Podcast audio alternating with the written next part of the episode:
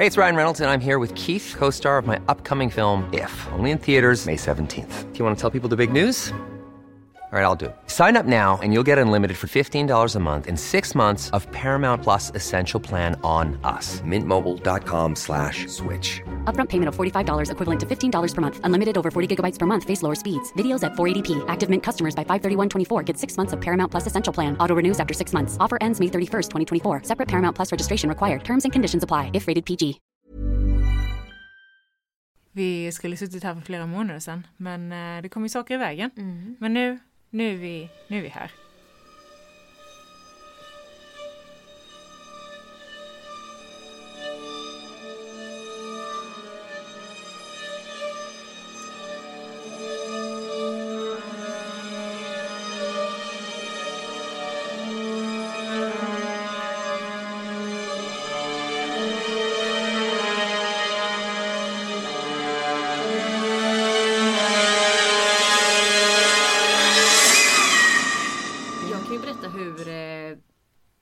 Kom in på mitt fall som jag ska Ja. prata om idag. Det finns ju en Netflix-serie som heter I am a killer. Ja, precis. Det har jag Eh, sett lite av. Ja, du har också sett. Jag har inte sett alla avsnitten men jag har sett vissa. Då var de inne på en fånge, jag kommer inte ihåg vilk, vilket avsnitt det var, men det var en fånge som var dödsdömd. När de visar här på dokumentären så får man se i bakgrunden ett eh, foto av andra dödsfällda fångar. Och jag pausar så att Ja. jag kan se vilka andra dödsfällda fångar eller dödsdömda fångar det fanns. Och det är jättesuddigt så jag ser knappt någonting vad det står på namnen. Men jag hittar två stycken namn som stod ut lite så jag tänkte det är nog ungefär så de stavas. Så jag sökte på den första och han var inte jätteintressant men den andra mannen som jag hittade hittade jag väldigt mycket sjuka spännande saker om. Vad heter han? Han som jag ska prata om idag heter Misak Damas. Och jag ska som sagt prata om en fånge som fått dödsstraff. Det hade jag faktiskt också tänkt göra. Eller nej, inte riktigt. Nej, jag tänker inte säga för mycket. Nu, det, det får vänta till sen. Men eh, det borde ha varit dödsstraff.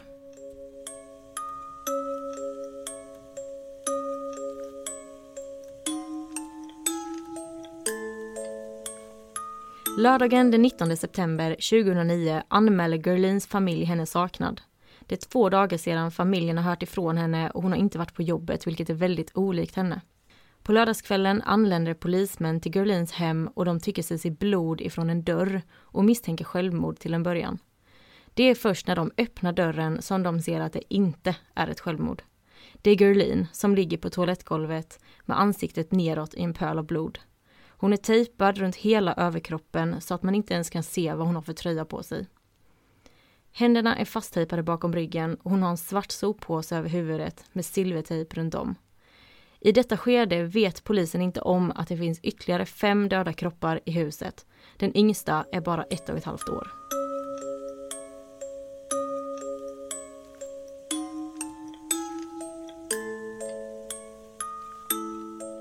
Och detta är ett case som jag aldrig hade hört talas om innan. Så jag hoppas att inte så många andra heller har det. Eh, jag vet ju att du visste ju inte vem detta var. Nej. Eh, och jag sa ju till dig att du får inte läsa någonting om Misak Damas.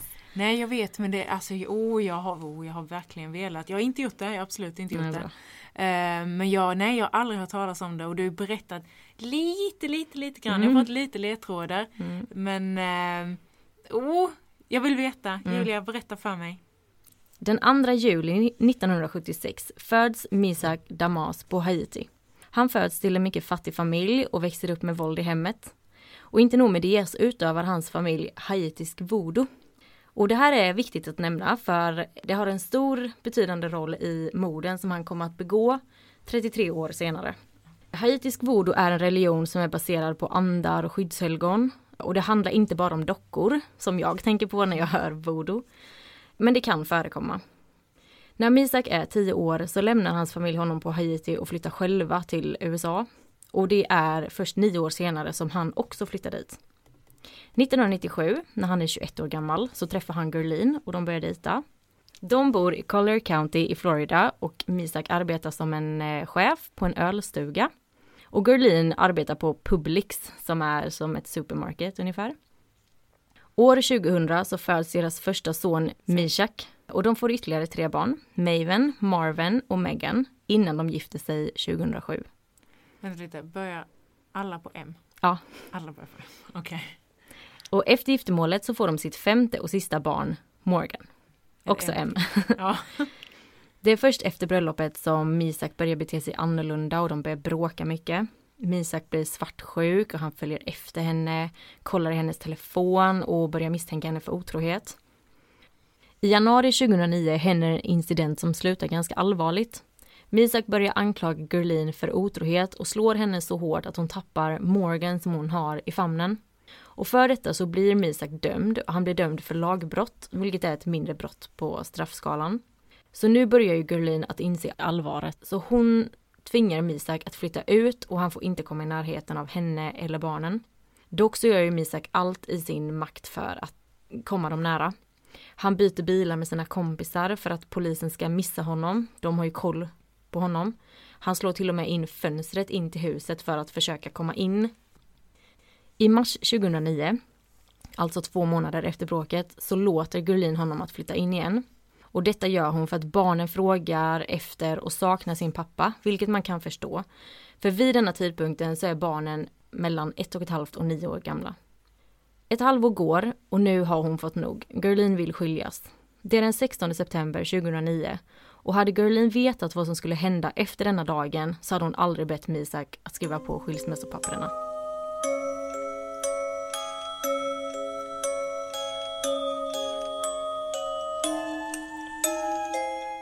Skiljas, jag kommer döda dig i så fall, säger Misak. En dag senare, den 17 september, följer han efter Gurlin till hennes jobb. Både hon och hennes chef upptäcker Misak och de blir rasande. Gurlin hotar med att ringa polisen, men Misak säger då Polisen kommer ta dig också i så fall, för barnen är hemma ensamma, så de kommer ta barnen ifrån dig. Gurlin avvaktar men säger att hon inte kommer att komma hem samma kväll.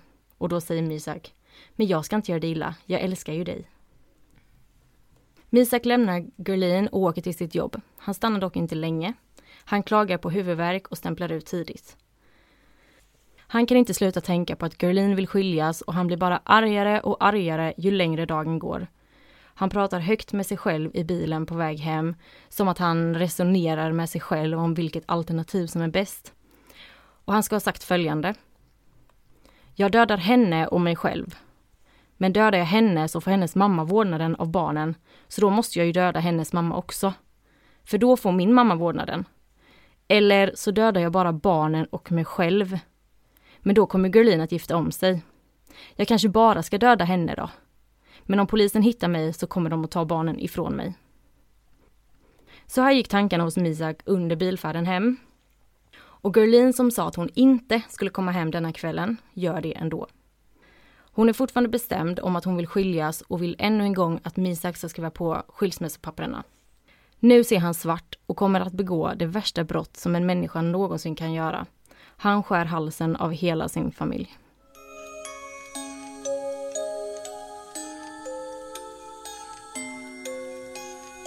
Dagen efter morden åker han till Miami International Airport och flyger till Haiti. Men efter bara fem dagar grips han och är misstänkt för morden på sin fru och sina fem barn. Och han erkänner direkt. Han ropar ut. Döda mig på en gång. Jag vill bli begraven med min familj. Jag skulle ha tagit livet av mig, men jag hade inte modet att göra det. I början så nämnde jag Haitis voodoo som en betydande roll för morden. Kommer du ihåg det? Ja, ja det minns jag. Och i denna religionen så har man ceremonier som en fest kan man säga. Man äter god mat, man eh, dricker goda drycker, pyntar lokalen och lyssnar på musik och sådär. Ceremonin börjar sen med att man ber katolska böner. Efter det så välkomnar man andar en efter en. Och en av utövarna som är på festen får eh, sätta sig i mitten av rummet och så låter man en ande komma in i den här personens kropp. Det är nu anden som bestämmer, så individens kropp och handlingar är helt andens handlingar. Förstår du? Ja, jag förstår. Ja. Det låter som ett sätt att Skylla på någon. ja, skylla Mm. på någon. Detta gör de för att de vill veta vad som kan ske i framtiden till exempel. Anden kan ge råd och ge ut varningar. Men vad jag har- förstått det som så kan det ju även bli en ond ande som kommer in i någons kropp. Och det är detta som Misak menar har hänt honom. Han säger att det är Gerlins mamma som har utövat voodoo på honom under hela tiden han och Gerlin har varit tillsammans. Han säger att han har haft onda andar efter sig och att det är de som har tvingat honom att begå morden. Misak menar att Gud kan skydda ifrån detta med onda andar, men eftersom han och Gerlin fick barn innan giftermålet så har inte Gud skyddat honom. Men vad var det egentligen som hände i huset i Florida den där hemska dagen 2009? Jo, Misak tejpar runt i princip hela Gerlins kropp. Man mätte denna tejpen efteråt och han ska ha använt cirka 50 meter tejp. Oj, Tänk en halv fotbollsplan ungefär. oj. Mm. Ja, det är inte en chans att hon kan komma loss ifrån det. Nej. det Han sätter en svart plastpåse över hennes huvud och tejpar runt hennes hals. Och nu har jag läst lite olika utsagor och man vet inte riktigt om Misak bara ville hota Gerlin eller om han faktiskt hade tänkt att döda henne. Men han skär halsen av henne genom silvertejpen. Han går upp till övervåningen där alla barnen är. Av barnen så dödar han Megan först. Hon var tre år vid mordet. Sen Marvin, fem år och Maven, sex år. Och Marvin hade så djupa knivskador att hans huvud nästan var helt av. Misak säger att han hör en röst som hejar på honom under hela tiden. Bra jobbat, fortsätt, you can do it. Nej men herregud. Det är de här andarna som Det pratar till andarna. honom. Ja. Nu stannar Misak upp och känner att han inte klarar av att fortsätta. Det är någonting som får honom att tänka efter. Han tänker lämna Morgan och Meshach till att leva. Men så börjar han tänka på Gerlins mamma och att det är hon som kommer få vårdnaden och bla bla bla. Så han tänker i princip hell no. Så han går tillbaka upp till övervåningen igen och skär halsen av Morgan ett och ett halvt år och Meshach nio år. Alltså herregud, små barn. Ens egna barn. Mm. Och det är de är fem stycken. Det är inte så att han gör det och sen shit jag ångrar mig utan han, Han går vidare med han bara fortsätter. Och han har sagt att Morgan var lättast att döda, ett och ett halvt-åringen. Ja. Meshach däremot, han var svår att döda. Och han var som sagt nio år vid mordet och han kunde göra motstånd. Man såg på obduktionen att han var knivskuren nästan hela vägen runt huvudet. Och det bevisar att han försökte verkligen att ta sig därifrån. När Misak väl hade lyckats skära halsen av Meshach så stannar han kvar och ser på honom tills han blöder till döds.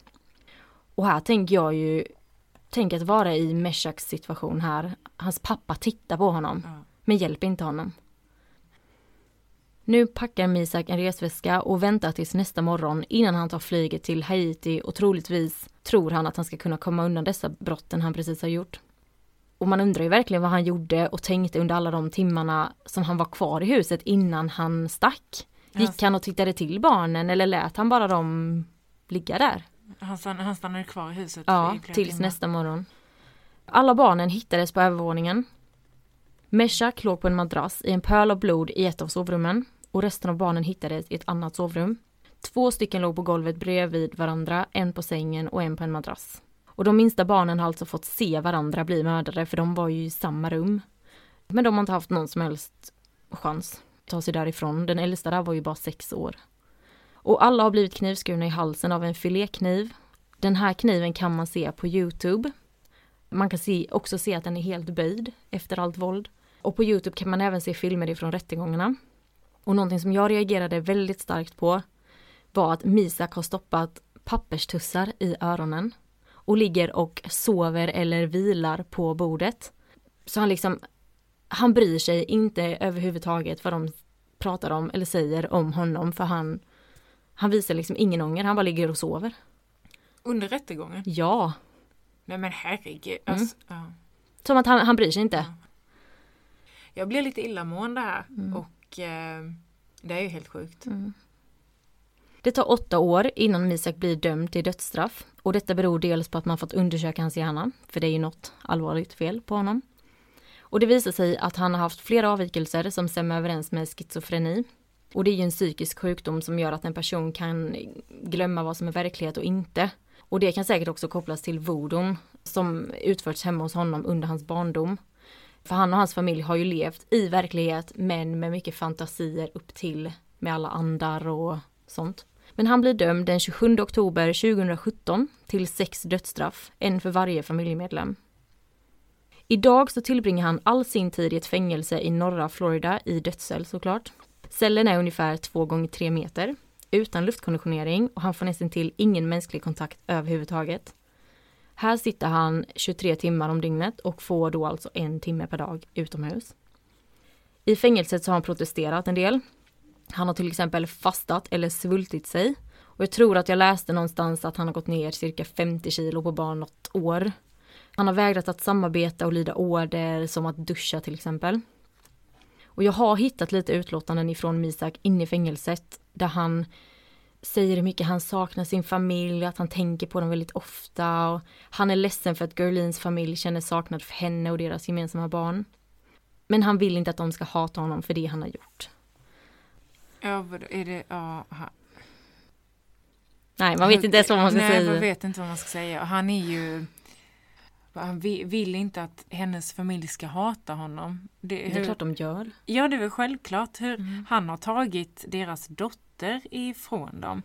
Han har tagit deras barnbarn Mm. ifrån dem. Det är ju inte en sorg du kommer över. Det, det kommer de ju bära med sig resten Mm. av livet. Och jag har hittat en sjuk sak som jag verkligen inte visste om. Okej.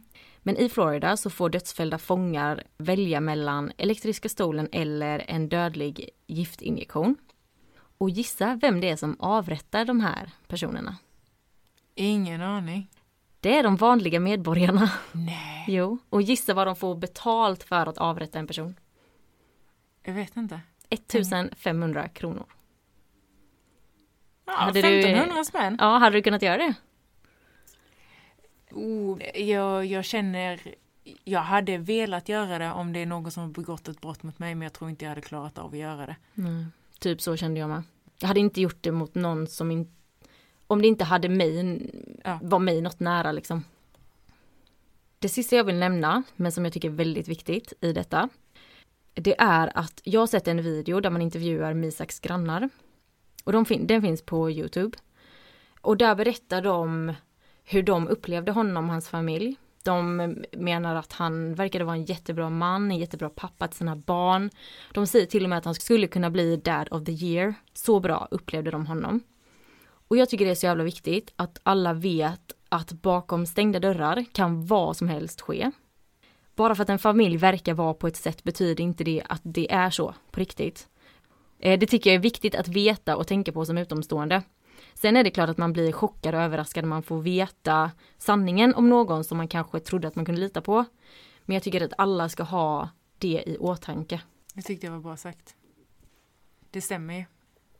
För så som de upplever honom var det ju verkligen inte. Och tänk då i vilket sammanhang som helst. Kan Ja. det vara så? Ja, ja, ja men precis.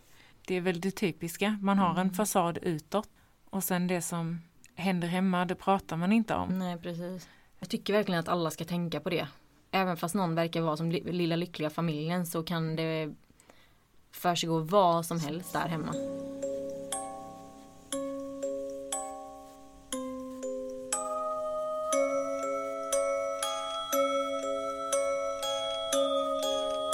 På tal om att allting inte är vad det verkar så påminner min historia om din. Men inte riktigt samma ändå. Men det, du kommer få höra. Men du älskar ju film baserat på verkliga händelser. Har du sett The Stepfather från 1987? The Stepfather är baserad på detta fallet. Mm, det vet jag vad jag ska kolla på ikväll. Mm. Du kan även kolla på eh, filmen The Usual Suspects från 1993. Nej. Så jag vet ju att jag har sett den, men det är väldigt, väldigt, väldigt länge sedan. Men i alla fall, eh, den mytomspunna karaktären Kajsar Söze är baserad på gärningsmannen jag tänkte berätta om. Jag tänkte börja med att dra lite bakgrundsfakta, bara lite, bara lite snabbt och kort innan jag kommer in på själva historien.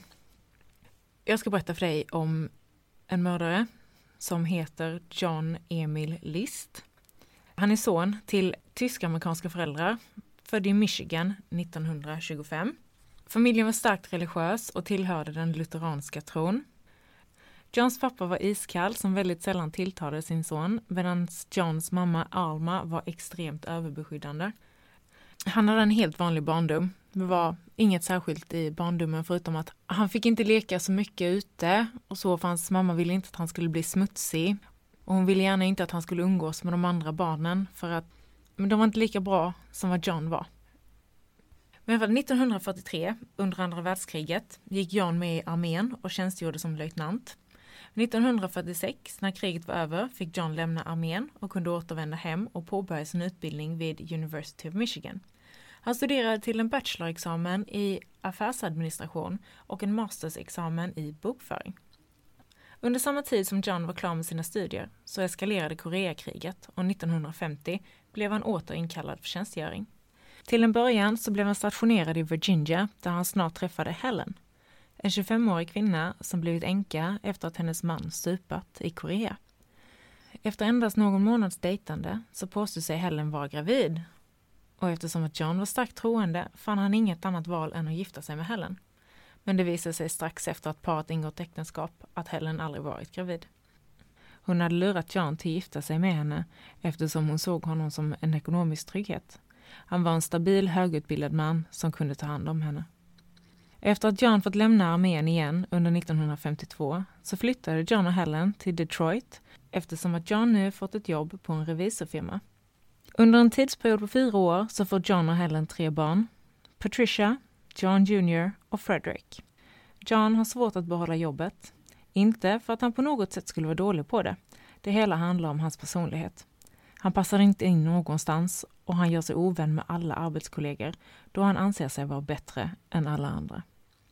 Detta gör att han ständigt får sparken ifrån sina jobb efter ett par år och familjen flyttar land och rike runt.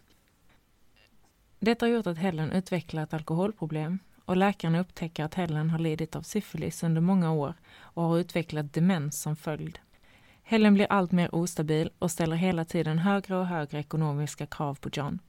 Även om John får nya jobb direkt efter att han har fått lämna det förra och tjänar väldigt mycket pengar så är det inte tillräckligt för Helen. Hon kräver mer och mer hela tiden och till slut klarar inte John längre av den ekonomiska pressen. Denna hemska och långdragna del av historien tar sin början under en kylig tisdagsmorgon den 9 november 1971 och händelsen äger rum i en vacker viktoriansk herrgård med 19 rum och stora målade glasfönster. De är original från Tiffany's, värda över 100 000 dollar styck. Det här är i Westfield, New Jersey, två och en halv mil söder om New York. I herrgården bor hela familjen List. John och Helen, barnen Frederick, Patricia och John Jr. Och i en lägenhet på tredje våningen bor Johns mamma, Alma. Hur har de råd med det här huset? Det verkar ju vara jättedyrt. Ja, jo, jo.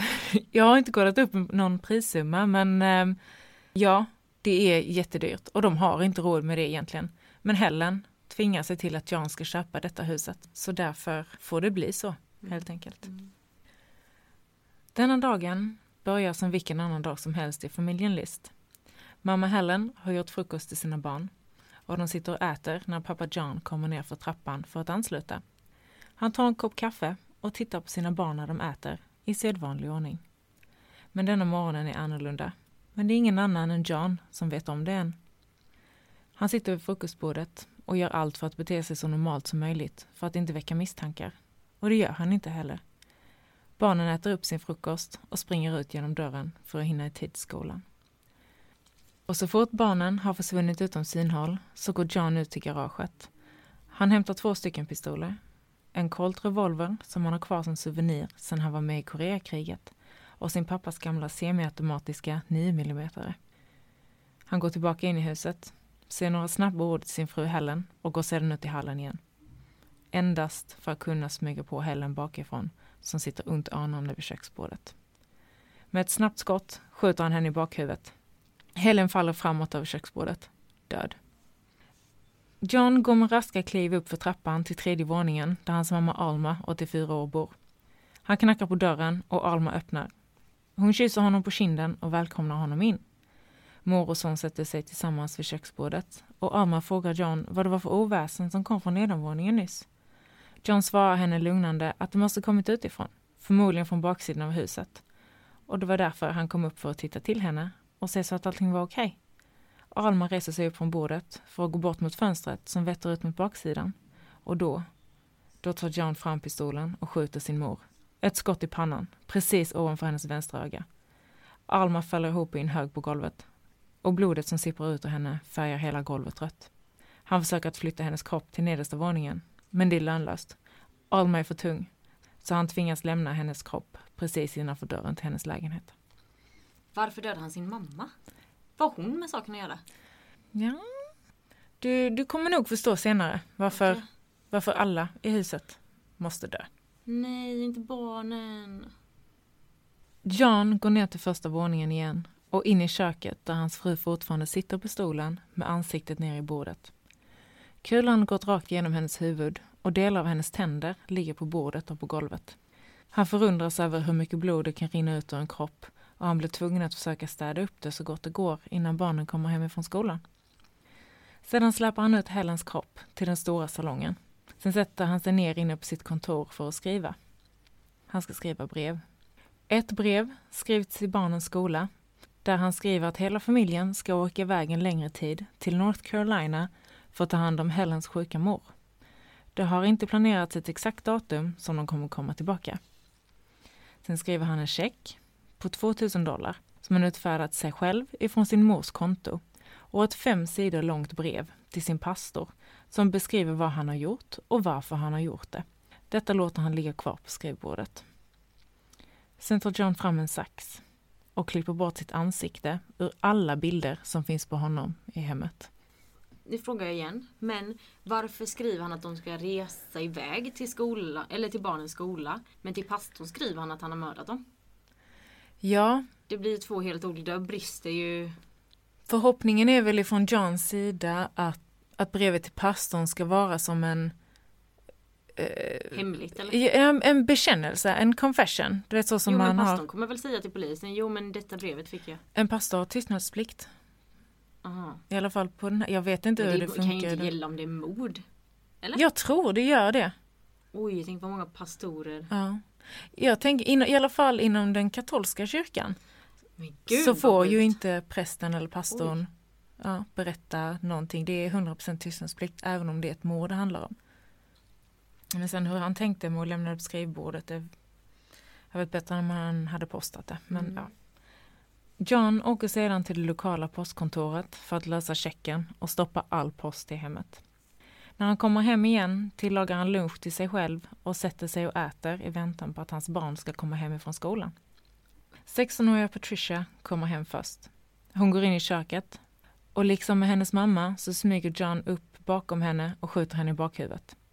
När hon faller ihop släpar John ut även hennes livlösa kropp till den stora salongen och lägger henne ovanpå en sovsäck jämte hennes mamma.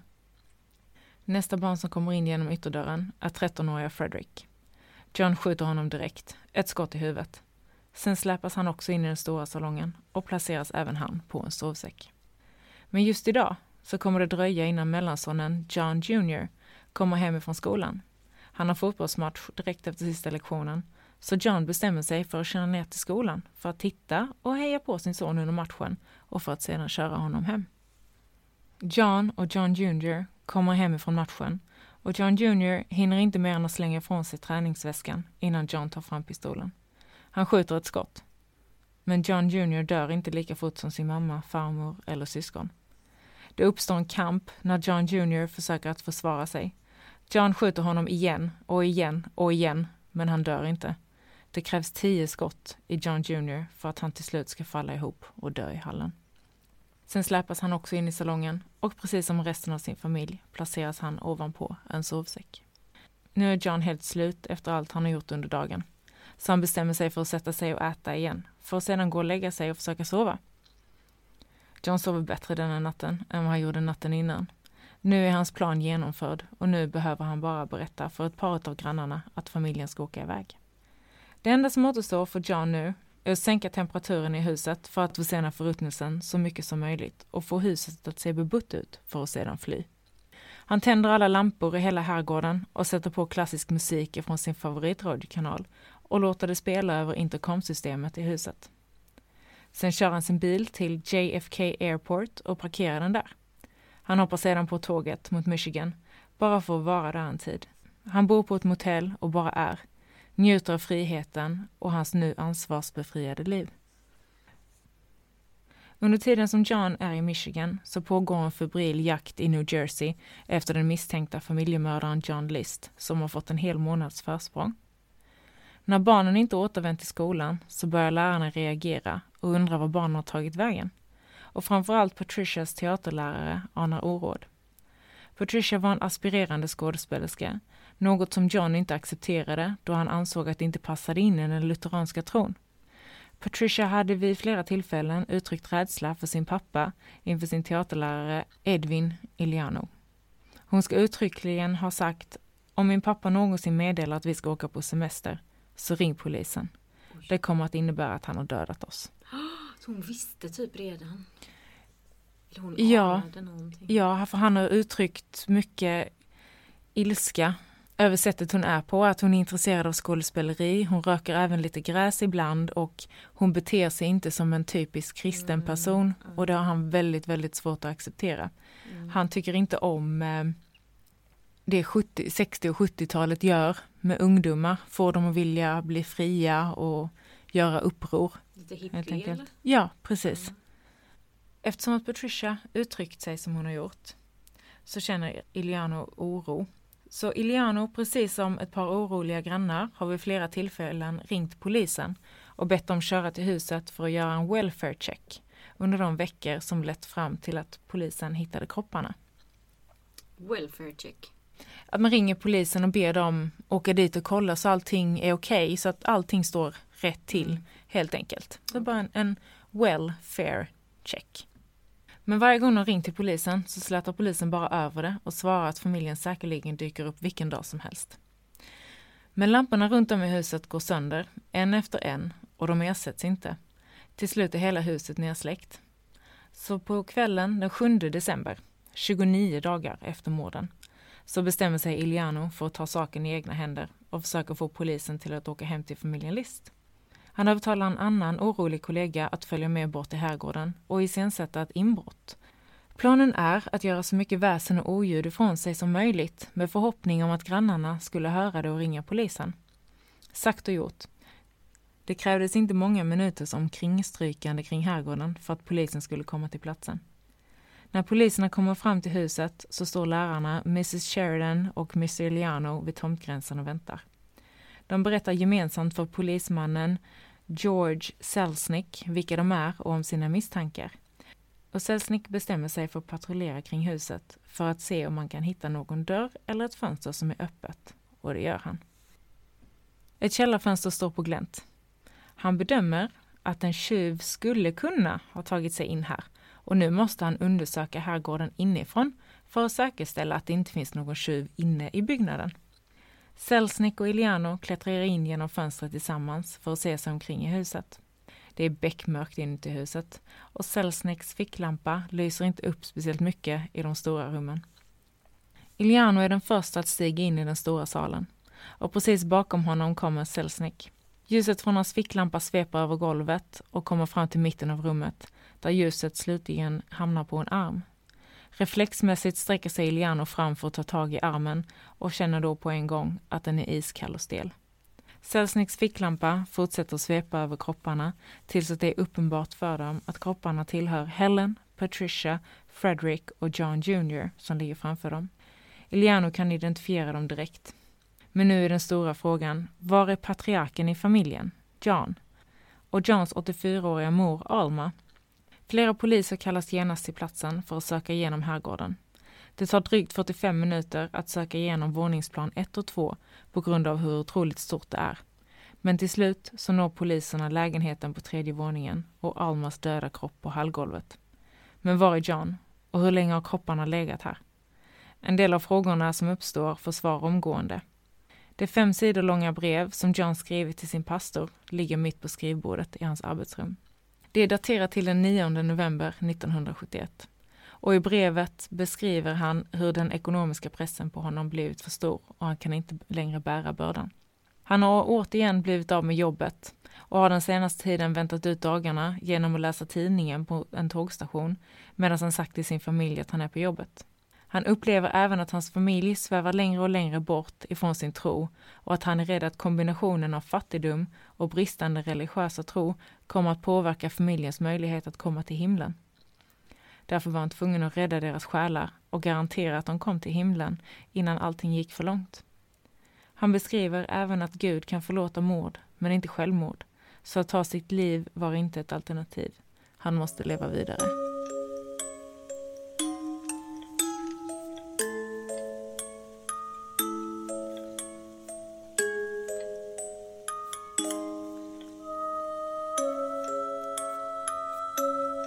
I början av 1972 beger John sig vidare med tåg igen. Nu mot Denver, Colorado. Det är här han stannar och gör sig hemmastad. Han byter sitt namn till Robert Peter Bob Clark. Ett namn som han har tagit från en gammal klasskamrat. Han börjar återigen jobba som revisor och går med i Denvers lutherska kyrka. Under en av gudstjänsterna så träffar John en kvinna vid namn Dolores Miller som han sedan gifte sig med 1985 och 1988 flyttade de tillsammans till Richmond, Virginia. De lever tillsammans ett anspråkslöst liv. På helgerna gjorde paret inte så mycket mer än att pilla i trädgården och titta på TV. Och det var precis så som John ville ha det. Samtidigt i Westfield är frustrationen enorm hos polisen. FBI hade upptäckt att han tagit tåget mot Michigan och sedan vidare mot Colorado. Men sedan upphörde alla spår. Åren går men de kan inte hitta John List. Detta är det värsta brottet som begåtts i den lilla staden Westfield och årsdagen för mordet uppmärksammas varje år. Men så, en dag, 1988, 17 år efter mordet, så har programmet America's Most Wanted premiär. Det amerikanska Efterlyst, eller det Efterlyst är baserat på. Det här programmet blir direkt Johns favoritprogram. Och han tänker flera gånger på om de någon gång skulle ta upp hans fall och han blir lite kittlad av tanken. Han älskade programmet så mycket att han uppmanade alla han kände att titta på det. Men är han dum i huvudet eller? Ja det är han Om nog. de har en bild, då kommer alla mm. bara, men det är ju du. Ja, det är ju du. Det är ju Bob. Vi får väl se hur det här går. Jag tror frugan kommer sätta dit honom. Mm. Vi får väl se. Det nya programmet gav FBI en idé. Om de skulle kunna få med fallet där skulle det väcka nationell uppmärksamhet igen och kanske skulle någon känna igen John. FBI kontaktar America's Most Wanted för att få med fallet, men de tackar nej. De anser att fallet är för gammalt och det finns inga relevanta bilder på John som de skulle kunna visa. Månaderna går och FBI vet inte hur de ska få med fallet i America's Most Wanted. Och de börjar släppa fler och fler obehagliga detaljer från morden till pressen för att försöka väcka intresse för fallet. De kontaktar även en forensisk skulptör och han gör en byst med hjälp av gamla bilder på John. Skulptören tittar på bilder på John, de, de bilder som finns. Han tittar även på bilder på Johns föräldrar och hans mor och farföräldrar. Allt för att kunna bedöma på vilket sätt hans utseende kommer att åldras. Skulptören får ta del av gärningsmannaprofilen som tagits fram av John, så han klär bysten i en kostym eftersom att han är helt säker på att det är den typen av kläder som John alltid bär. Sedan är det bara den sista detaljen kvar. Glasögonen. Vid tiden för Johns försvinnande bar John ett par glasögon med tunna bågar. Det var något som den forensiska skulptören tänkte mycket på. Han tänkte att John vill ha ett par glasögon som döljer lite av hans ansikte, precis som Stålmannen döljer sig bakom Clark Kents glasögon. John hade även ett behov av att se auktoritär och framgångsrik ut. Så det fick bli ett par kvadratiska bågar med skarp ram av modell större för att passa in på Johns profil. Nu när FBI har mer att erbjuda America's Most Wanted blir producenterna intresserade och de presenterar fallet för programledaren och dess skapare. De blir alldeles upprymda och kräver att fallet ska vara med i programmet. Programledaren anser att John List är ett monster som har mördat sin familj och vill inget hellre än att ta fast honom. Så i maj 1989 sänds programmet i nationell tv och över 200 tips kommer in. Men det är särskilt ett tips som sticker ut från de andra. Det är en äldre dam från Denver, Colorado som ringer och säger helt utan tvivel att det är hennes granne sedan många år. Han heter Robert Bob Clark och han har nyss flyttat, flyttat till Virginia. Det tar inte FBI mer än två veckor att lokalisera John och den 1 juni 1989 knackar polisen på dörren till hans hus. Johns fru Dolores öppnar dörren och förstår självklart inte vad det hela handlar om. Och hon menar självklart på att det hela är ett stort missförstånd.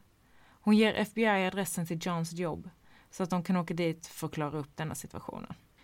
FBI åker direkt till Johns jobb och kliver in på hans kontor. De ser direkt att det är han. De frågar honom om hans namn, men han svarar att han heter Bob Clark. FBI frågar honom flera gånger om hans riktiga namn inte egentligen är John List, men han nekar. FBI griper honom ändå och tar med honom till häktet. Under de kommande månaderna förhörs han varje dag, men han nekar till att han skulle vara John. FBI säger rakt ut till honom att de vet att han är John List. Men John bara ler och nekar till att han skulle vara just John. Hans namn är ju Robert Bob Clark. Det är inte förrän man jämför hans fingeravtryck med fingeravtrycken som han fått lämna när han gjorde militärtjänstgöring som man till 100% säkerhet kan fastställa hans identitet och han kan inte längre ljuga. Och ja, då erkänner John den 16 februari 1990 att han är John List och det var han som mördade hela sin familj för 18 år sedan i Westfield, New Jersey. Mordutredningen är klar sedan många år tillbaka. Detta var det sista man behövde för att kunna gå till rättegång. Det enda som återstår är att göra en psykisk bedömning av John. Psykiatrikerna som utför undersökningen har redan många teorier om alla möjliga störningar han skulle kunna lida av. Men inget stämmer in. Han har ingen mer störning än tvångstankar. Och de kommer fram till att det finns inga som helst hinder för honom att kunna åtalas och åklagaren kommer kunna yrka på dödsstraffet eftersom att det återinfördes 1976.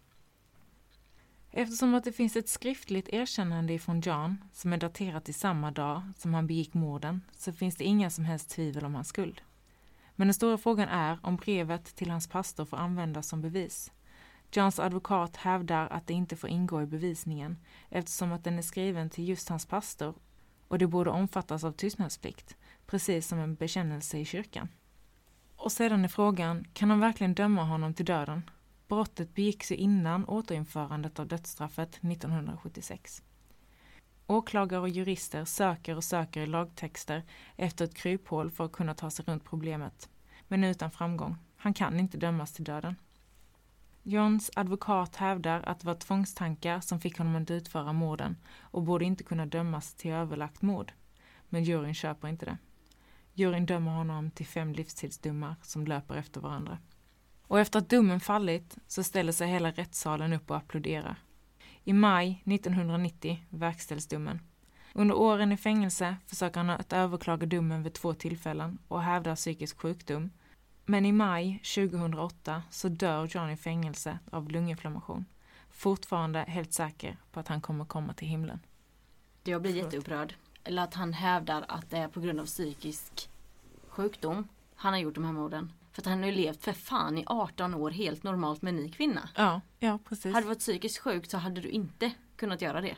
Nej, och han anser ju också att han hade ju sin, eh, vad ska man säga, permission eller frigivning redan innan han blev straffad. Så han, även om han överklagar så accepterar han läget för vad det är och anpassar sig i fängelset. Och sorterar böcker på biblioteket och trivs helt okej okay med tillvaron. Jag blir så arg att han dör av en jävla lungsjukdom. Ja. Jag tänker förhoppningsvis föddes han väl till döds. Ah. Ja. Men du vill, du vill höra en härlig twist på alltihopa? Ja. Han dödade ju familjen. Mm. På grund av ekonomisk, dels på grund av ekonomiska problem. Han ville ju mm. inte att de skulle leva i fattigdom, för det är en synd. Om John hade varit lite mer insatt i vad det var för målade glasfönster de hade haft i huset. Just eller hade det, de var ju värda hur mycket som helst. Jajamän. Hade han vetat om det så hade han kunnat sälja dem och få 100 000 dollar styck för de fönstren. Och det hade löst alla deras ekonomiska problem och situationen hade inte behövt uppstå. Det är daterat till dagens värde ungefär 619 000 dollar styck. Jag vet inte ja. vad jag ska säga ens. I Johns fall så var det väl, det här var någonting han hade fått för sig och det var förknippat till hans religion, hans tro. Och tvångstankarna gjorde väl att när han hade tänkt tanken så var han, han var tvungen att utföra det. Han kunde inte släppa det. Jag vet inte om man ska kalla det. Eh, att han faktiskt led av en psykisk sjukdom. Det måste han Jag göra. Alltså en normal människa begår Ja. ju inte brott så. Nej. Nej, men riktigt, eh, två riktigt sjuka fall. Och två fall som jag aldrig har hört talas om innan. Ja, nej, inte jag heller. Nej. Inget av dem. Men sen när man väl visste om dem så fanns det väldigt mycket fakta att hämta. Ja, men så var det för mig med. Det kan ju vara så att de inte har blivit kända här i Sverige men kanske i USA och sånt. Ja men precis. Men eh, jag hade ingen aning om någon av dem. Nej, inte jag heller. Jag kommer gå hem nu och eh, söka upp allt jag kan hitta om Ja. honom. Det var fruktansvärt hemskt. Jag får rysningar, jag mår lite illa när jag tänker på filéknivar. Jag kommer inte kunna öppna kökslådan på ett Nej. par dagar. Vi vill ju gärna att ni, alla våra lyssnare, ska vara med och ge oss tips och påverka oss. Så följ våran Instagram som heter dosnack podcast. Är det så att ni vill nämna någonting längre till oss så kan ni nå oss på dosnack podcast at hotmail.com. Vi vill gärna motta era tankar om dessa fall, dessa gärningsmän. Och ge oss tips på fler. Ja, Vi, ja. Både kända och okända. så hörs vi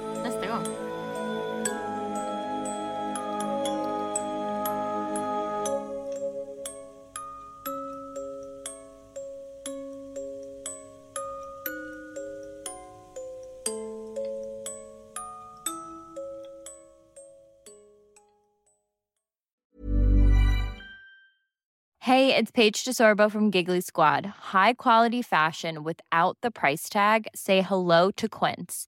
I'm snagging high-end essentials like cozy cashmere sweaters, sleek leather jackets, fine jewelry, and so much more. With Quince being 50 to 80% less than similar brands. And they partner with factories that prioritize safe, ethical, and responsible manufacturing. I love that. Luxury quality within reach. Go to quince.com slash style to get free shipping and 365 day returns on your next order. Quince.com slash style.